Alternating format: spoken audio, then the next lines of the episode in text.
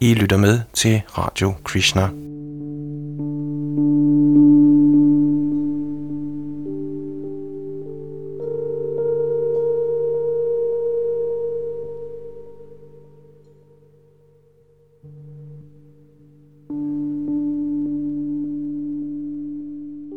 Er Bhakti Yoga en videnskab? Ravindra Sarup, som er åndelig mester og tempelpræsident i Philadelphia i USA, har beskrevet Bhakti Yoga som værende en videnskab, selv i den strenge forståelse af begrebet.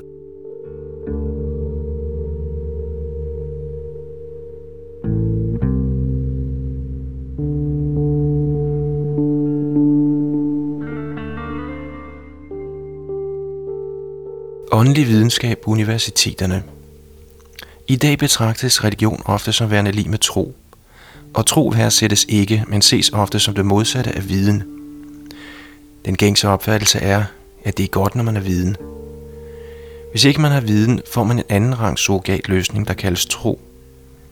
Da alt i forbindelse med religion betragtes som værende lige tro, vil mange måske forledes til at tænke, at der er noget fuskeri på spil, når vi påstår, at Bhakti Yoga er en videnskab.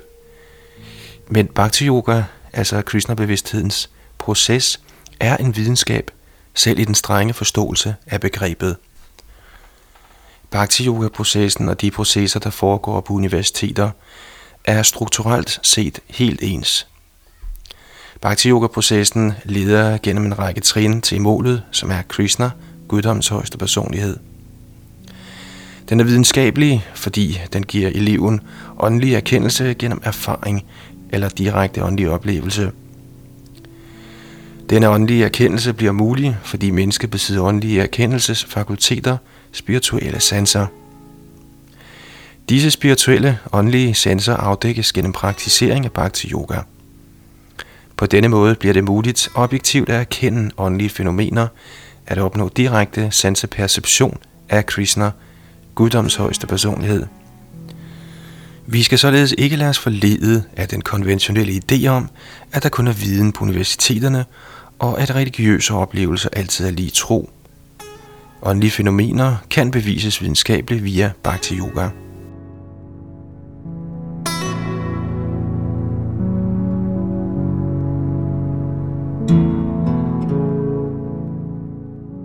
Eftersom Bhakti Yoga er åndelig videnskab og derfor ikke et spørgsmål om tro, bør der være et fakultet på et hvert universitet, hvor man kan studere Bhakti Yoga. Iskon ønsker at få åbnet uddannelser på universiteterne, hvor man kan studere sjælen og guddoms højeste personlighed Krishna. For så længe dette kun er forbeholdt de marginaliserede institutioner kaldet religioner, tager ingen det seriøst. De fleste mener, at religion er fint, men samtidig er det noget derover, det er noget, man tager frem, når man har brug for det. Men fordi det er virkelig vigtigt, skal det være på universiteterne.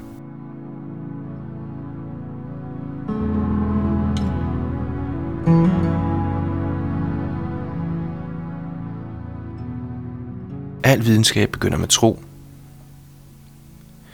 Alle processer, hvis formål det er at samle viden, begynder med tro. Denne tro kan defineres som en indledende interesse, for eksempel at man kommer og sætter sig ned og hører på et foredrag.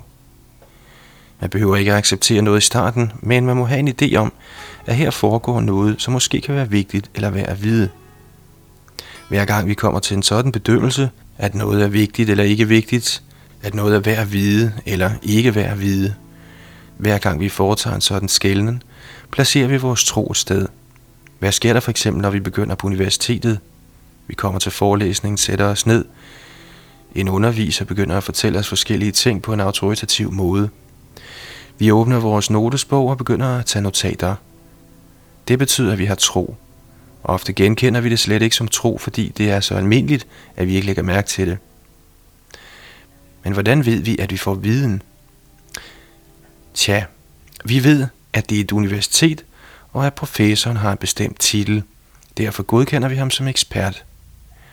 Professoren begynder med at fortælle os alle mulige ting om for eksempel elektroner, neutroner og protoner. Vi har aldrig set disse ting, måske aldrig hørt om dem. Alligevel skriver vi det hele ned. Det er med andre ord en troshandling.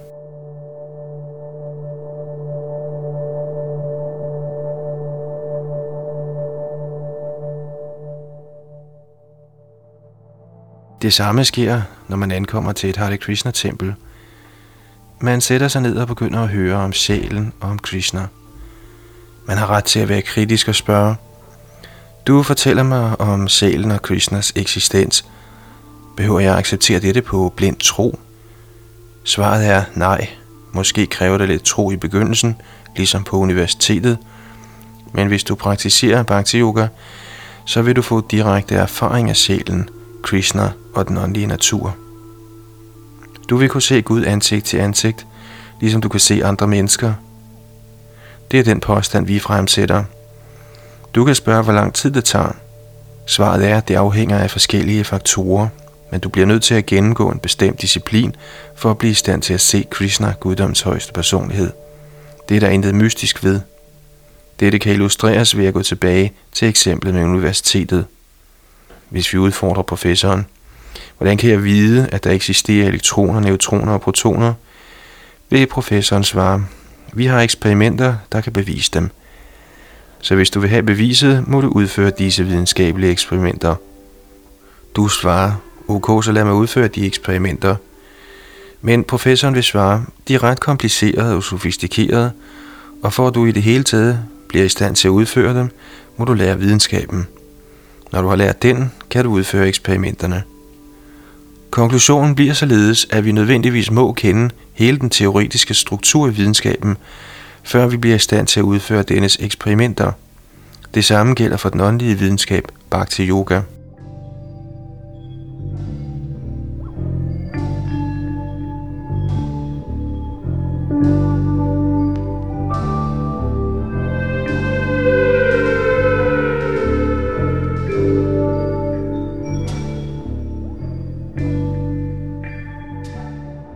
Et andet vigtigt aspekt af tro er beslutsomhed.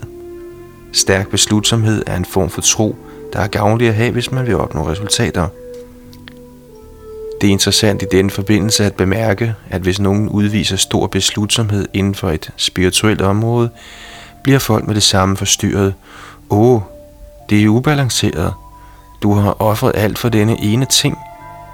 Det ville have været bedre, hvis du havde flere ting for i dit liv. Derimod kan vi bemærke, at hvis der udvises den samme form for beslutsomhed inden for et felt, der er værdsat af den kultur, vi lever i, har ingen noget imod det. For eksempel synes alle, det er storartet, hvis man offrer alt og beslutter sig for at blive en olympisk rekordsætter. Se den beslutsomhed, sikke en fighter. Er det ikke vidunderligt? Han overkommer alle forhindringer. Selv en Nobelprisvindende videnskabsmand må blive op sent om natten og udføre videnskabelige eksperimenter, mens alle hans venner er ude at feste. Ingen har noget imod det, da det er en socialt godkendt aktivitet og betragtet som en ønskelig værdi, men når det drejer sig om åndelig videnskab, bliver det betragtet som mærkeligt. Simpelthen fordi det ikke er værdsat af den brede befolkning. Det kræver stor beslutsomhed, hvis man ønsker succes i Bhakti Yoga, men dette betyder ikke, at man ikke foretager sig andet. Vi skal alle spise, sove, forsvare os og videreføre arten, men pointen er, at disse aktiviteter reguleres på en sådan måde, at de hjælper åndelige fremskridt i stedet for at hindre det.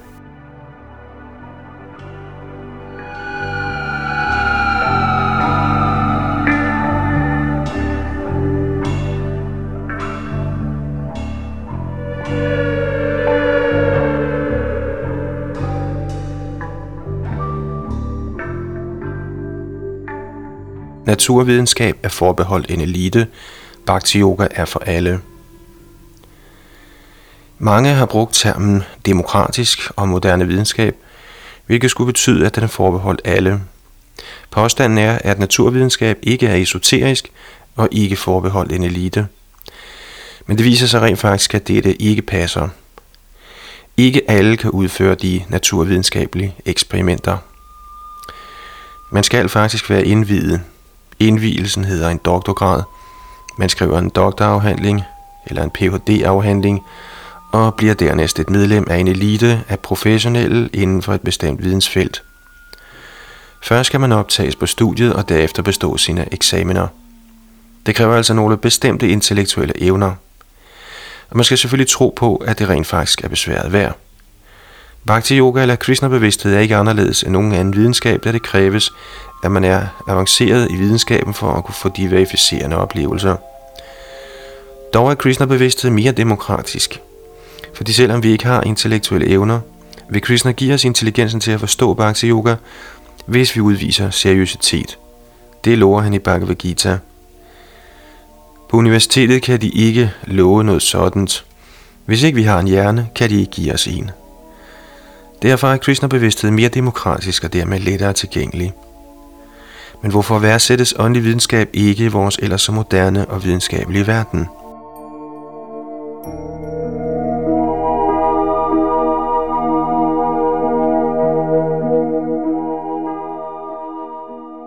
Moderne videnskab ødelægger vores evne til at praktisere åndelig videnskab. Grunden til, at Bhakti Yoga nu er kategoriseret sammen med andre religioner og trosgrene, er, det en videnskab, som de fleste har mistet evnen til at forstå eller udføre.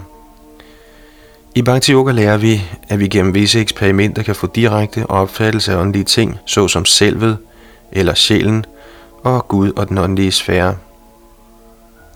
Problemet er, at de fleste mennesker på nuværende tidspunkt ikke er i stand til at bruge denne særlige åndelige perception, da instrumenterne for den er blevet inhabile. Sjælen og Gud er ikke mytologiske størrelser, men vi har for øjeblikket mistet evnen til at opfatte dem. En af begrundelserne for dette er, at det moderne samfund definerer fremgang i forhold til økonomisk udvikling og sansetilfredsstillelse. Sagt med andre ord, det som det moderne samfund kalder videnskab, er det, der fremmer sansetilfredsstillelse og økonomisk udvikling. Hvis vi vil have sponsoreret vores videnskabelige eksperimenter, skal der være nogen, der er interesseret i det, vi laver. Og hvornår er de det? Det er de, når det vil være fordelagtigt for menneskeheden. Og hvornår er det det? Det er det for eksempel, når vi kan lave ting, der kan hjælpe os til at få bedre madvarer via genetisk manipulation, eller bedre biler, få mere olie ud af jorden, for ikke at glemme militær udvikling, forsvar, der betaler for en stor andel af moderne videnskab. Da moderne videnskab er defineret i forhold til økonomisk udvikling og sansetilfredsstillelse, er den altså kontrolleret af vores lidenskab. Problemet med det er, at jo mere vi dyrker lidenskaben og absorberes i den, desto mere dræber vi vores evne til at opfatte åndelige emner som sjælen og Gud. Krishna påpeger i Bhagavad Gita, at viden afhænger af godhed, sattva. Kun når vi befinder os i en tilstand af godhed, kan vi begynde at opfatte sjælen og Gud.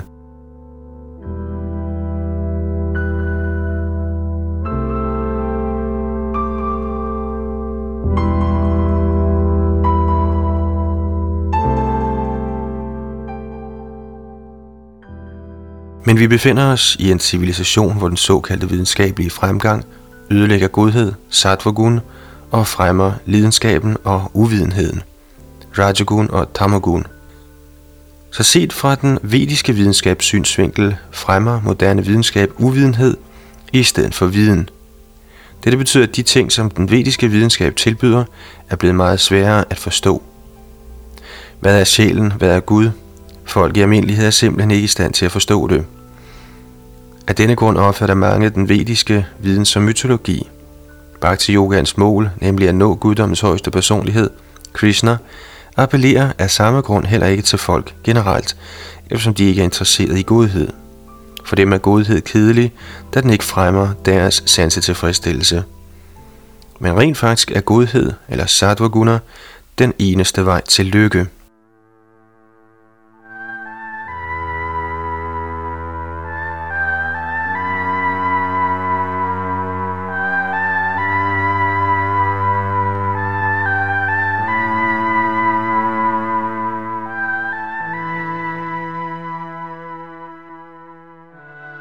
Lidt om de forskellige stadier i Bhakti Yoga. Dette er den kronologiske orden af de stadier, en elev må gennemgå for at komme til ren Guds kærlighed. For en endnu mere videnskabelig gennemgang af disse stadier henvises til Vishwanath Chakravarti Thakurs Madhurya Kadambani, hvor i han analyserer disse stadier meget gennemførligt. Hvis vi ønsker fremgang i den åndelige videnskab, Bhakti Yoga, skal der som nævnt først være tro eller en interesse Adav Shraddha. Hvis man vil fortsætte derfra, kommer stadiet Sadhu Sangha, der betyder, at man må omgås Krishna-hengivne. Fordi man føler, at Krishna-bevidsthed er vigtig, vil man begynde at omgås med de mennesker, der også finder det vigtigt. Dette fænomen gør sig gældende i et hvilket som helst aktivitetsfelt. Hvad enten man vil være fodboldspiller eller kemiker, vil man søge samvær med mennesker, der også synes, disse ting er vigtige. Og man vil naturligvis undgå de personer, der prøver at få en væk fra det engagement, man lægger i det felt, man praktiserer. Siden dette gælder inden for alle felter, hvorfor så ikke også inden for videnskaben om Krishna, Bhakti Yoga.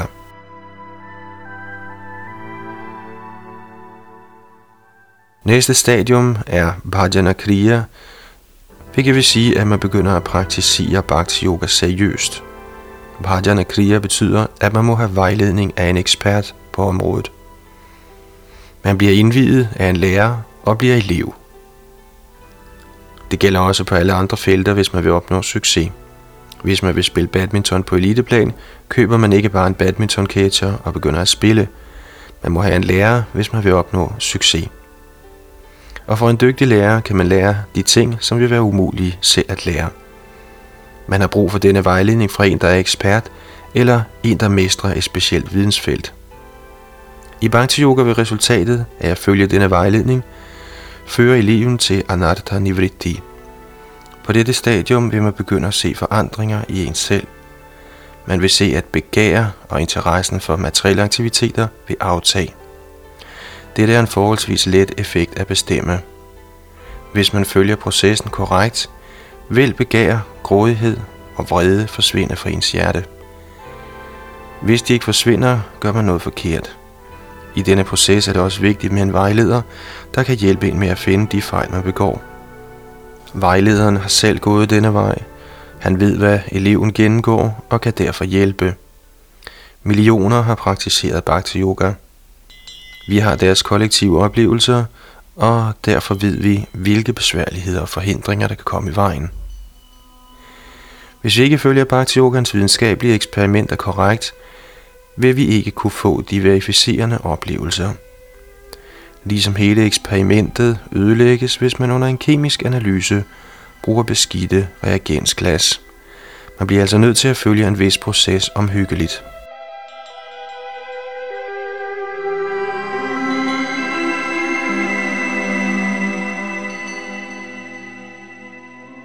På dette stadie vil man desuden blive mere og mere interesseret i godhed, og denne vil begynde at manifestere sig som en kvalitet i hans personlighed. Som godhed begynder at manifestere sig, vil man begynde at have direkte opfattelse af Herren Krishna som overselen, der gennemtrænger alt, samt af sit eget transcendentale selv. På dette punkt vil man endvidere begynde at få indre vejledning om, hvordan man kan gøre yderligere fremskridt. Vi bliver på denne måde vejledt af en overintelligens. Begrænsningen af moderne videnskab er, at den afhænger af vores egen hjernekapacitet.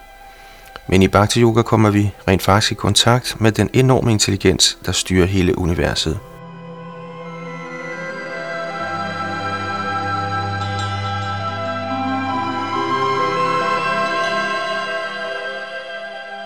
Efter dette er der højere stadier. På nister-niveauet bliver man fuldstændig fixeret i Krishna-bevidsthed – man vil således ikke længere opleve så mange op- og nedture, men vil være meget mere fixeret i åndelig bevidsthed. Næste stadie er Ruchi, hvor man får en meget stærk åndelig smag for Krishna-bevidsthedens aktiviteter.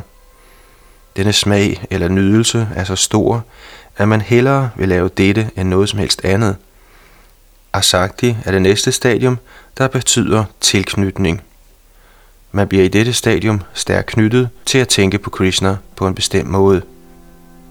Derefter er der bhav, som betyder ekstase, og med disse følger otte ekstatiske fysiske symptomer. Dette bliver til sidst til prem, eller ren gudskærlighed.